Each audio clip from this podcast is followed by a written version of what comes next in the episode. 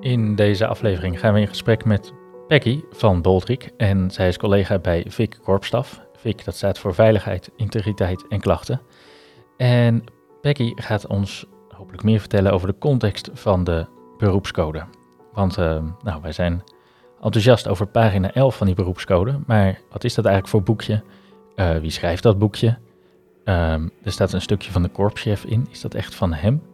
En waarom schrijft de korpschef dat eigenlijk? Uh, kortom, we willen wat meer weten van dat uh, boekje. Becky werkt bij de korpsstaf, bij de afdeling VIC. En daar zijn ze verantwoordelijk voor de beroepscode. Dus zij weet er alles van. Uh, nou, leuk je te spreken, Becky. werk, werkzaam bij de VIC Korpsstaf. Um, en met jou wil ik dus graag in gesprek over de achtergrond van de beroepscode. waar komt het idee van de beroepscode eigenlijk vandaan? Nou, de aanleiding is eigenlijk dat de vereiste is vanuit de politiewet. Dat is denk ik uh, goed om te weten. En we hadden toen een reorganisatie destijds van 26 korps naar één politie. Ja. En we hadden toen ook de vier kernwaarden die uh, natuurlijk op dat moment ook gingen gelden. Integer, betrouwbaar, moedig, verbindend. Als goed is bij iedereen goed bekend. Er was heel veel diversiteit rondom. En ja, we hadden merendeels hadden korpsen gedragscode, oftewel code blauw. Uh, met misschien nog wel een eigen interpretatie aan. Hoe breng je die voor de, in de organisatie verder? Ja. En er waren nieuwe inzichten op het gebied van integriteit. Ja. Dat je meer uitgaat van het voeren van het goede gesprek, stimuleren van dialoog. En niet zozeer een wetboek van handelen, um, dat voorschrijft wat je wel of niet mag doen. Maar dat je ook echt uitgaat, hè, dat wat pagina 11 over gaat, professionaliteit. Dat je uitgaat van de professionaliteit van de medewerker. Oftewel uh, de professionele ruimte als waardevol onderdeel van ons vak. Oh ja. En daarom is vanaf 2013 een uh, ontwikkelproject ingezet om tot een hele gedragen beroepscode te komen. Dus dat uh, dus eigenlijk zo rond is denk ik... Uh, rond de reorganisatie uh, is eigenlijk de kans gegeven om daaraan te werken. Het wordt dus zelfs ook ja. genoemd in de politiewet dat er een beroepscode moet zijn. Ja, ik denk dat voor alle organisaties geldt in Nederland dat je een soort van gedragscode, beroepscode moet hebben. En uh, is, je moet het zien als een handleiding waarin de kernwaarden van de politie staan en waar is beschreven wat die betekenen in het politiewerk. Ja. En ook vertelt de beroepscode wat de politie doet, waar die voor staat, en waarde aan hecht. En hoe je als politiemens uh, met elkaar wil omgaan. Ja. En waar politiemensen gaan moeten houden. Ja, ik denk dat het belangrijk iets is. En als ja. ik dan zo even terugdenk, hadden we toen die, um, die uh, kernwaarden. Um, en ja. uh, hoe kom je dan van de, de kernwaarden naar de beroepscode toe? Hoe, hoe, hoe verloopt zo'n proces eigenlijk? Nou, wat we gedaan, wat, of althans wat in 2013 heel nadrukkelijk gedaan is, dat natuurlijk is, uh, er was ook een vraag wie schrijft hem. Uiteindelijk is de inhoud van de organisatie zelf, hè, die is van ons allemaal, zeg maar. Ja. En uh, wat, uh, dus die kernwaarden hebben, is vertaald door met heel veel collega's te spreken, dus medewerkersparticipatie, diverse bijeenkomsten met collega's. Hè. Je hebt die vier kernwaarden, schrijf er eens uit met voor jezelf, wat, wat, wat versta je eronder, hoe kijk je ernaar? Zo is het ook gaan met, met, uh, met burgers. Uh, zeker vanuit de leg legitimatie, zeg maar. Hè, de, ja. Het vertrouwen die de burger in de politie mag hebben. Ja. Gesprek met experts, bijvoorbeeld met de wetenschap.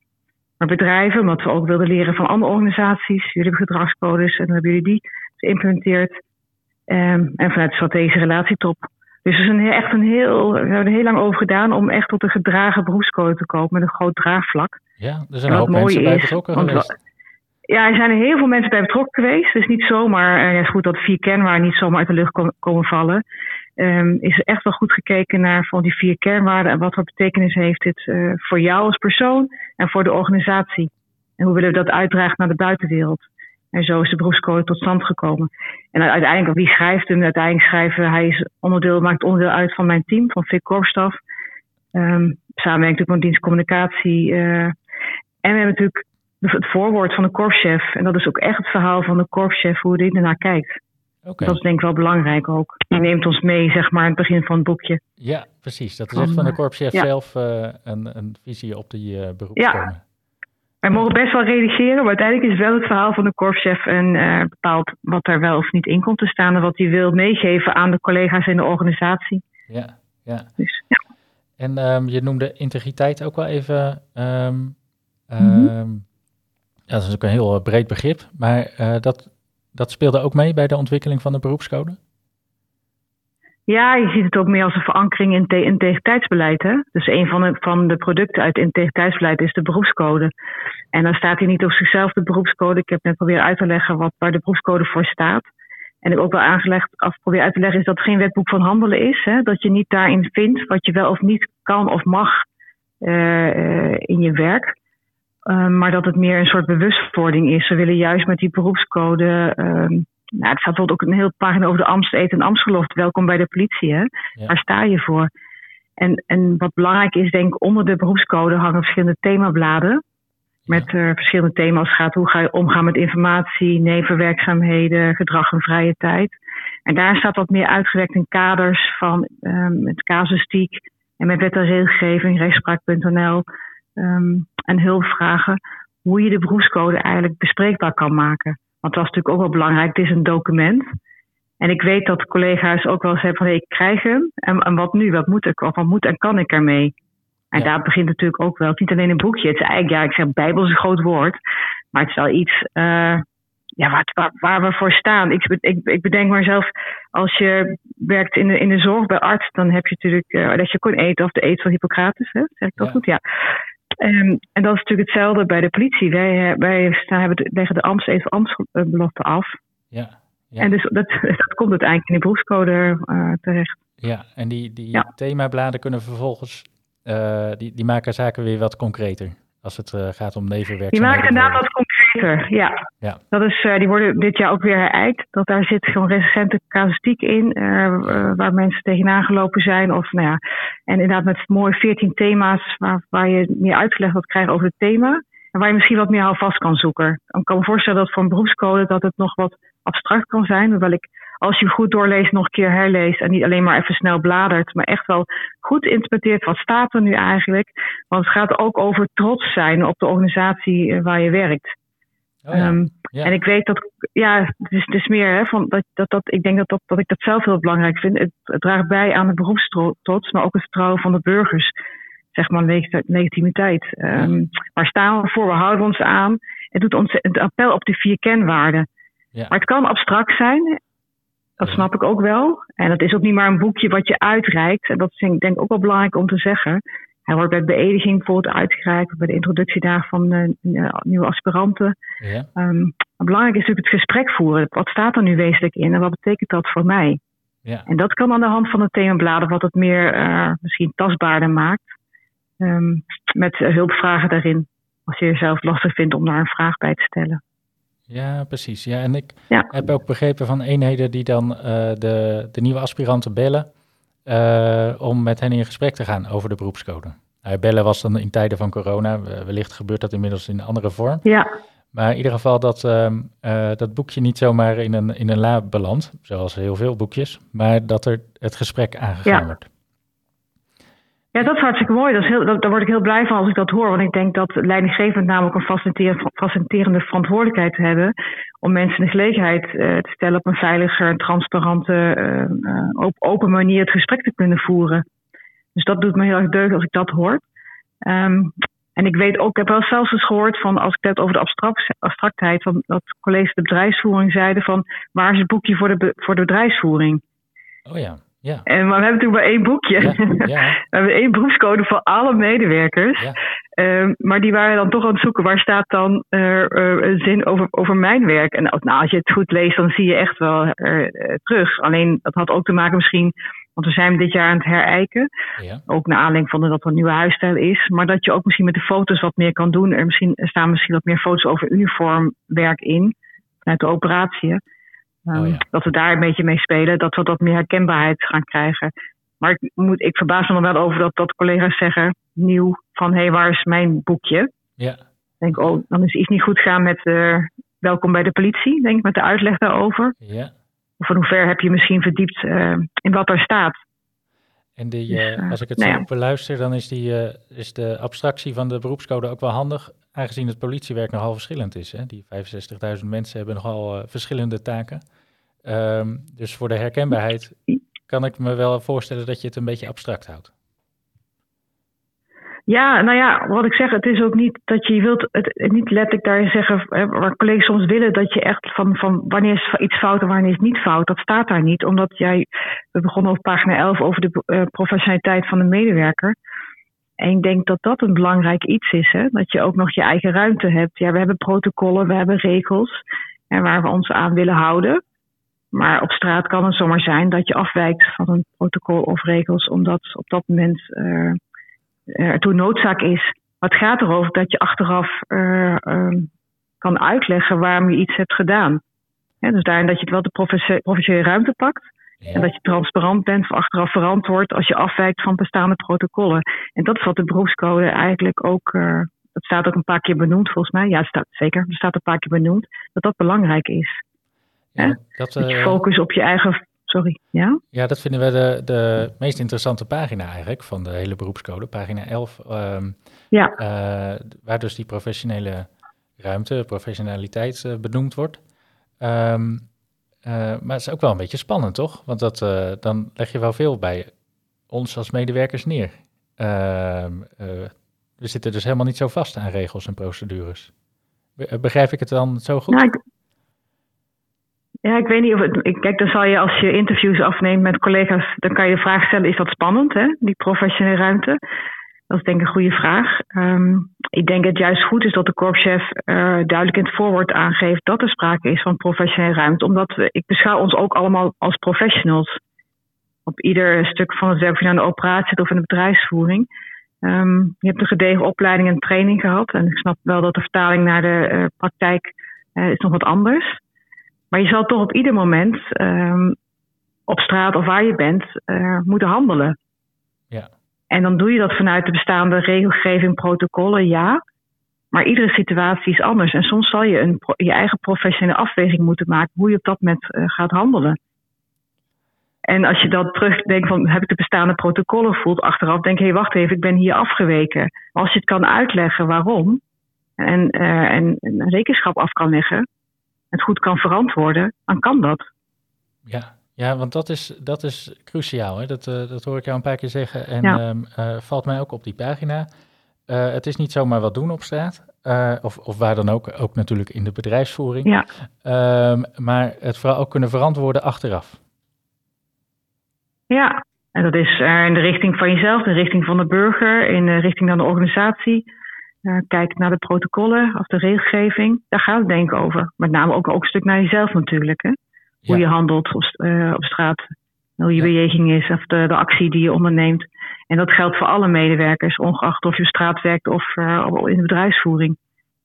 Ja. Dat is denk ik heel belangrijk. En, ik, en dat is denk ik wel wezenlijk het verschil misschien waar we in 2013 is dat professionele vakmanschap, uh, de pakken van je professionele ruimte is uh, veel meer uh, ja, aandacht aan gegeven, maar belangrijk geworden. Omdat we uitgaan dat je een professional bent. En soms kan je dat een teamverband bij een prof bij professioneel, professional, maar soms sta je er alleen voor. Ja, ja. En we worden wel allemaal geacht het goede te doen, zeg maar. Ja. En dat mag, daar mag de burger ook op vertrouwen, hè? dat je die professionele ruimte ook, ook pakt daarin. En dat je niet alleen maar, zeg maar, nou, probeer uit te leggen dat, dat je niet alleen maar denkt, oh, in protocol staat dat ik zus en zo moet handelen, dus ik moet helemaal leidend dat protocol afgaan. Maar we zijn natuurlijk geen uh, piloot of, of automaat, of ik moet zeggen, geen robot. Nee. Uh, wat voortdurend al die protocollen in, in je hoofd hebt zitten. Behalve dat je weet, ik uh, moet proportioneel subsidiair handelen, et cetera. Dat ja. weet je. Ja, maar we zijn ja. geen, geen robots. Um, nee. Ja, ik wil eigenlijk nog twee, uh, twee dingen vragen. Eén, het eerste wat uh, mij uh, ja. triggert in jouw verhaal is eigenlijk de, ik noem het maar even de reflectie. Um, dus je, je hebt gehandeld ja. en dan moet je het verantwoorden. En, en wat mij boeit is dat je dan zegt, ja, je moet het ook kunnen verantwoorden naar jezelf toe. Um, dat doet mij aan reflectie denken, hè, dat je dan gaat reflecteren bij jezelf. Ja.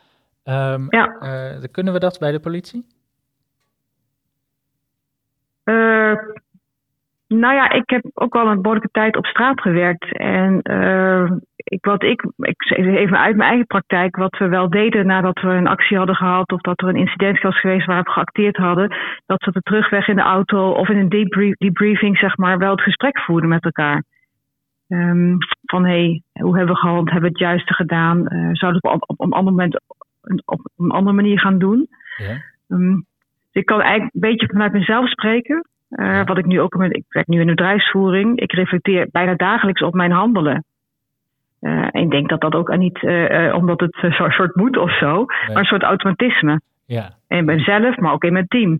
En ik denk, ik gun iedereen dat, om dat reflectiemoment wel te pakken, omdat het je helpt. En niet omdat je verantwoording moet afleggen aan de baas of aan je leidinggevende of hè, et cetera. Nee, naar jezelf kijkend heb ik hier in het goede gedaan. Omdat je daar jezelf mee ontwikkelt, leert en nou ja, de collega bent die we graag willen zijn voor elkaar. Dus of we dat kunnen, Teun, ja, of, we dat, of we dat kunnen, ja. Uh, ik gun het wel iedereen. Ja. En of we daar nog elkaar kunnen, eh, dat we daar nog kunnen ondersteund kunnen zijn. Eh, we hebben een beroepscode, maar er zit ook een heel preventietoolkit onder. Dus er zitten allemaal hulpmiddelen onder die beroepscode die daarin wel helpend kunnen zijn. Ja. Uh, nou, die preventietoolkit, daar uh, kunnen we wellicht nog een andere keer over uh, spreken. Dat zijn natuurlijk boeiende ja. hulpmiddelen daarvoor. Um, en wat ik je hoor zeggen is de reflectie, dat, dat kan via formele momenten, misschien een debriefing, maar dat kan ook gewoon op de auto of nou ja, kan, kan eigenlijk waar dan ook. Gewoon iedere keer naar je handelen. Ja, ja, precies. Ik weet niet of je theatervoorstelling Rauw hebt gezien, want daar ben ik ook bij betrokken geweest. Daar zie je het ook heel erg terugkomen. En wat ik zo mooi vind aan die voorstelling, daar gaat het over integriteit onder andere. En uh, nou ja, vanuit de politie voor iedereen, et cetera. Of cultuur. En hoe ga je om met informatie? Dat dat automatisch kwam de reflectie. Hè? Dat kwamen hele mooie gesprekken uh, op gang van hoe handel ik? En hoe, zit ik, uh, hoe is mijn houding, hoe is mijn gedrag naar collega's toe, naar mezelf, naar op straat. En ik zag daar hele mooie dingen gebeuren. Dus we hebben het echt in ons om dat te doen.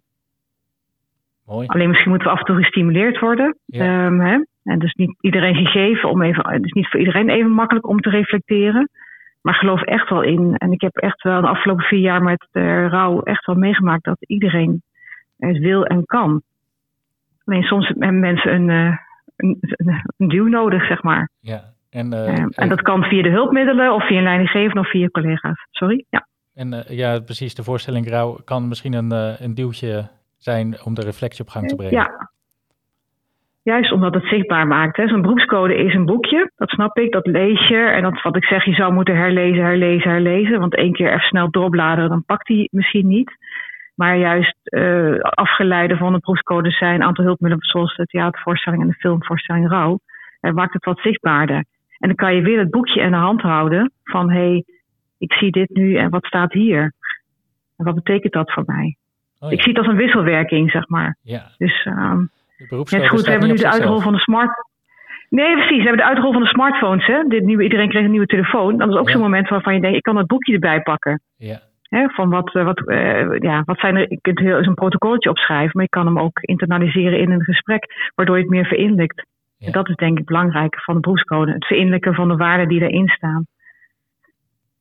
Maar ik snap ook wel dat dat uh, ja, soms voor mensen ook wel zoek is hoor. Ja. Doe het staat op papier en hoe neem ik het tot mij. Ja. Nou, dat lijkt me al een, een, mooie voor een volgende aflevering om te kijken welke duwtjes, om het zo te zeggen, er allemaal zijn om de reflectie op gang te brengen. Volgens mij wordt er een hoop uh, georganiseerd zo her en der in het land. Um, ja, zeker. Ik, ik, kijk even naar de klok en ik heb nog één vraag waar ik wel benieuwd naar ben. Ik hoorde je net zeggen dat de beroepscode ja. ook weer geherijkt gaat worden. Uh, zijn er misschien ja. één of twee punten waarvan je zegt, nou, dat is leuk om te vertellen, daar gaan we naar kijken?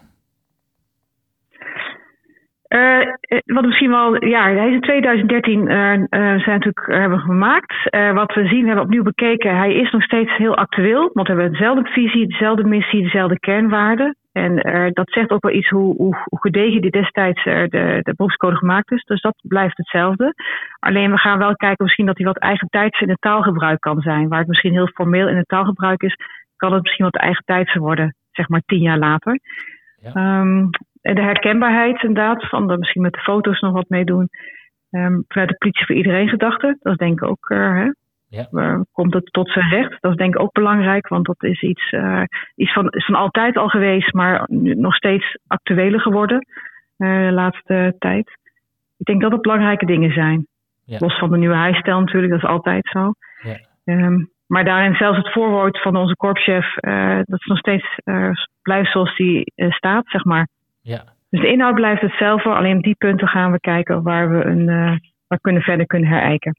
Ja, en ik hoor eigenlijk vooral de herkenbaarheid. Dat, dat uh, onze collega's zich kunnen herkennen in de beroepscode van dit gaat ook over mij. Ja, dat hoop je wel. Uh, dat, dat, dat mensen kunnen bladeren, wacht even. En dat kan misschien simpel aan de hand van foto's. Hè, van hé, hey, wacht even, bedrijfsvoering zit er ook in, is ook voor mij. En tegelijkertijd, ja, blijft het natuurlijk een, een, iets wat je in je handen hebt. En um, zal je hem ook moeten, tot je moeten nemen op een bepaalde manier. Ja? Dus niet zo dat je mijn. Ik, ik, ik, zou willen dat iedereen trots is op het boekje, want dit, is, het, dit gaat ook echt over beroepstrots. En waar werk je? En um, niet iets wat je zomaar in de hoek uh, neerlegt, maar wat je gewoon bij je mag dragen. Dus, uh, maar dat is de herijking uh, waar we mee bezig zijn voor nu. Kijk eens aan. Nou, mooie ambitie zo voor de beroepscode. we gaan denk ik richting een ja. afronding, ook omwille van de tijd. Um, ik zit even te kijken of ik door mijn vragen heen ben. Nou, dat ben ik. volgens mij heb je hoop kunnen beantwoorden, vooral over de context van de beroepscode, waar die nou eigenlijk vandaan komt en wat de bedoeling eh, ervan is. nou, en zoals je merkt, er ontstaan ook weer nieuwe vragen, maar daar gaan we dan in de komende afleveringen mee aan de slag. Um, ik wil je van u bedanken voor dit gesprek. Fijn dat dit zo komt. Ja, graag gedaan, Pieter. En nou, ik hoop dat de colleges ook wat aan hebben. Dat was mijn gesprek met Peggy van Boldrik, werkzaam bij VIC Corpstaf. En het gesprek heeft uh, in ieder geval twee onderwerpen uh, opgebracht waar ik graag meer van zou willen weten. Allereerst benadrukt ze het belang van het verantwoorden bij leidinggevenden. En ik ben benieuwd hoe dat in de praktijk eruit ziet. Um, want ja, verantwoorden, reflecteren, dat klinkt allemaal mooi. Maar ik um, zou daar graag wat praktijkvoorbeelden van willen weten. En misschien gaat dat ook wel eens mis. Nou, dat, dat horen we natuurlijk ook graag. Uh, en het uh, andere punt is die beroepstrots. Uh, ze noemen dat een keer trots op het bedrijf. En ik ben heel benieuwd hoe verhoudt die trots zich tot professionele ruimte? Wat heeft dat met elkaar te maken? Misschien wel helemaal niks, maar ik vermoed dat daar wat interessants in zit. Um, dus we gaan op zoek naar collega's die ons daar meer over kunnen vertellen. Tot de volgende aflevering.